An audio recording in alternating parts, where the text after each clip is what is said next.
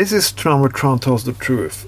As I mentioned in earlier segments, I'm gonna be more angry this year. So, part of this segment is called Ronald Reagan suck cocks in hole. I don't think he do that. I think he eats devil shit. I think he's rimming the day, devil on a daily basis.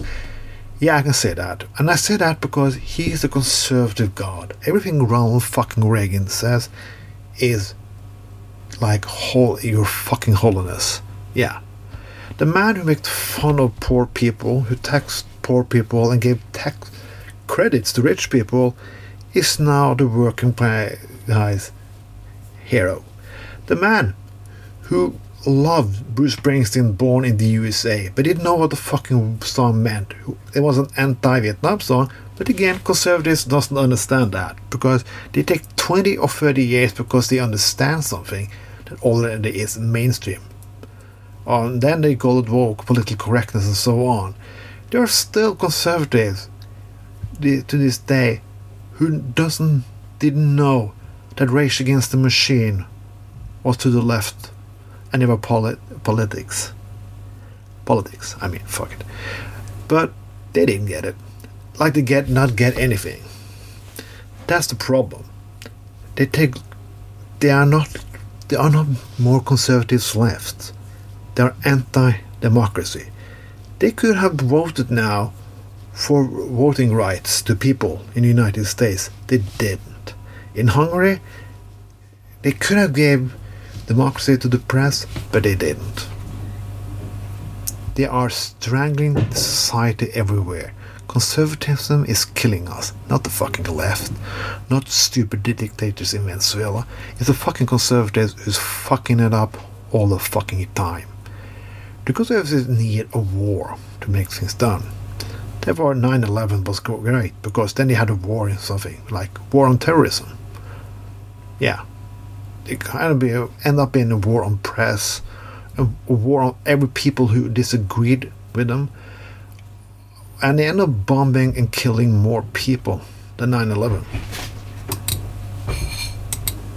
I've been blogging about this for a very long time. Actually, I started blogging against American politics in 2003, 2004, and everybody think, and a lot of people criticized me, say I didn't understand the United States. Yeah, it's takes people, conservatives ask Europeans, we don't understand what fucking war and terrorism is. War and terrorism is a fucking European tradition, like fucking Turkey and Super Bowl. We've been killing each other since the dawn of, the beginning of Europe.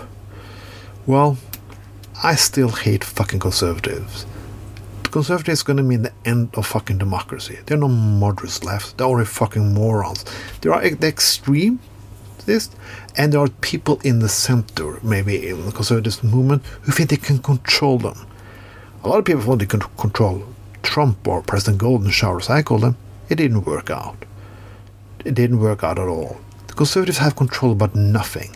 Zero nothing. And when they don't have control, they start blaming er, people to criticize them for being communist, leftist, or threat to your fucking country, or blah blah blah blah blah. And they put on a lot of national symbols, just like hail this and hail fucking that, with no fucking reason at all.